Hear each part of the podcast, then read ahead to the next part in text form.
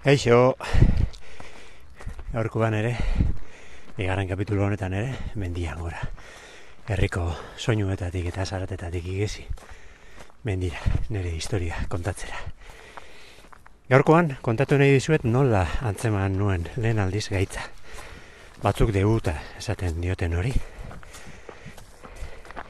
Hotzaiaren irua zen, samla seguna. Egun seinalatua, eibarren. Opilak bedeinkatzen direlako, samlas opilak. Horretara joan ziren nire emaztea eta eta bi alabak, samlasak bedeinkatzera. Hori ikusita, emaztiak esan ziren, venga, segi, segi kirola egitera, libre zaude. Eta ona igo nintzen, korrika. Aurrena, Salvatoreko ermita honetara. Eta hemendik topingurura. Goranzkoan nekatu xamar e, antzeman nintzen. Lau egun jarraian eramatzen kirola egiten. Eta pentsatu nuen, ba, gain esfortzuaren ondorioa izango zela. Kapitulo honetan, gaur, ez dut bide berdin-berdin egingo. Pinutan ibili dira, eta mendi egitik zegoen bidea zigin-zigina dagoelako. Hau da, topi muru tontorra. Ez da, seiron metrora iristen. Justu, justu.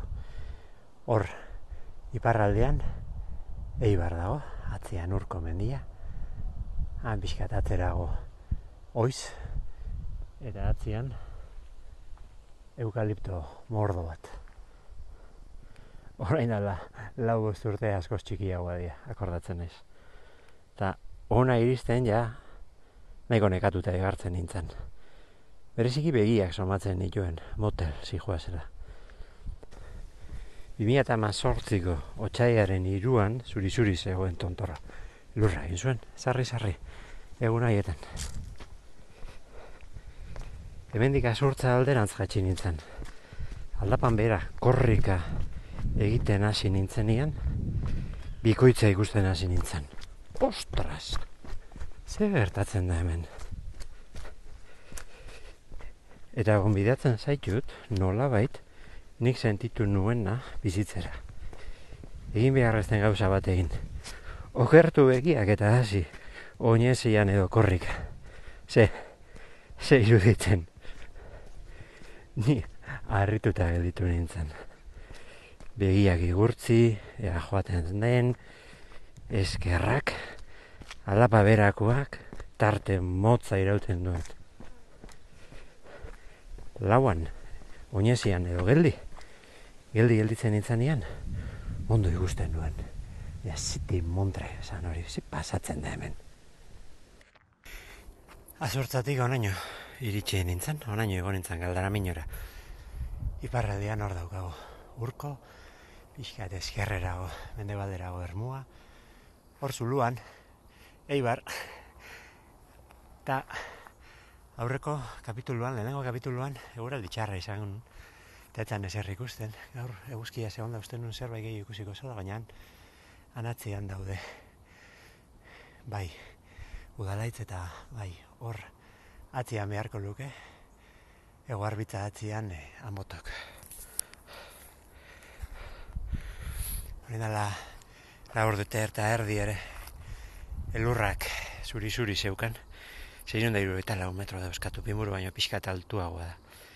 Honako bidean ez nintzen, neukan nekiaz jabetu.